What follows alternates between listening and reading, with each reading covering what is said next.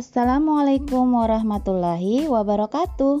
Jumpa lagi dengan saya Eva Liana.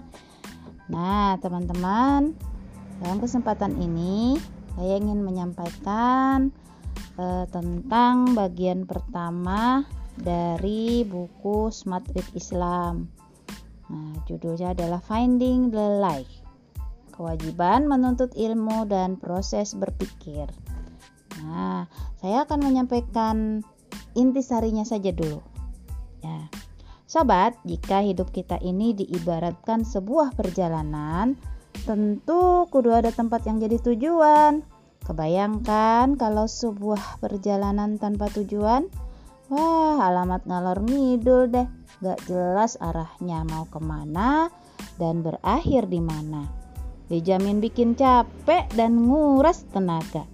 Makanya, sebelum menentukan arah dan tujuan perjalanan, penting deh kita jawab pertanyaan mau ke mana kita, ngapain kita berpergian, dan apa saja yang mesti kita persiapkan sebelum, selama, dan sesampainya di tujuan.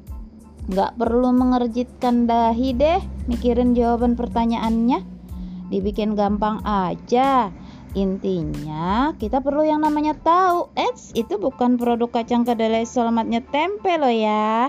Tahu yang satu ini sohibnya pengetahuan alias ilmu.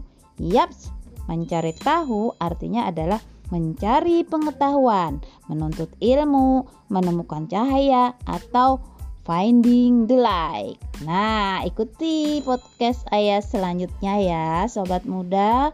Hmm, insya Allah kita akan ngobrol lagi, ngulik lagi lebih dalam tentang what is the finding the light.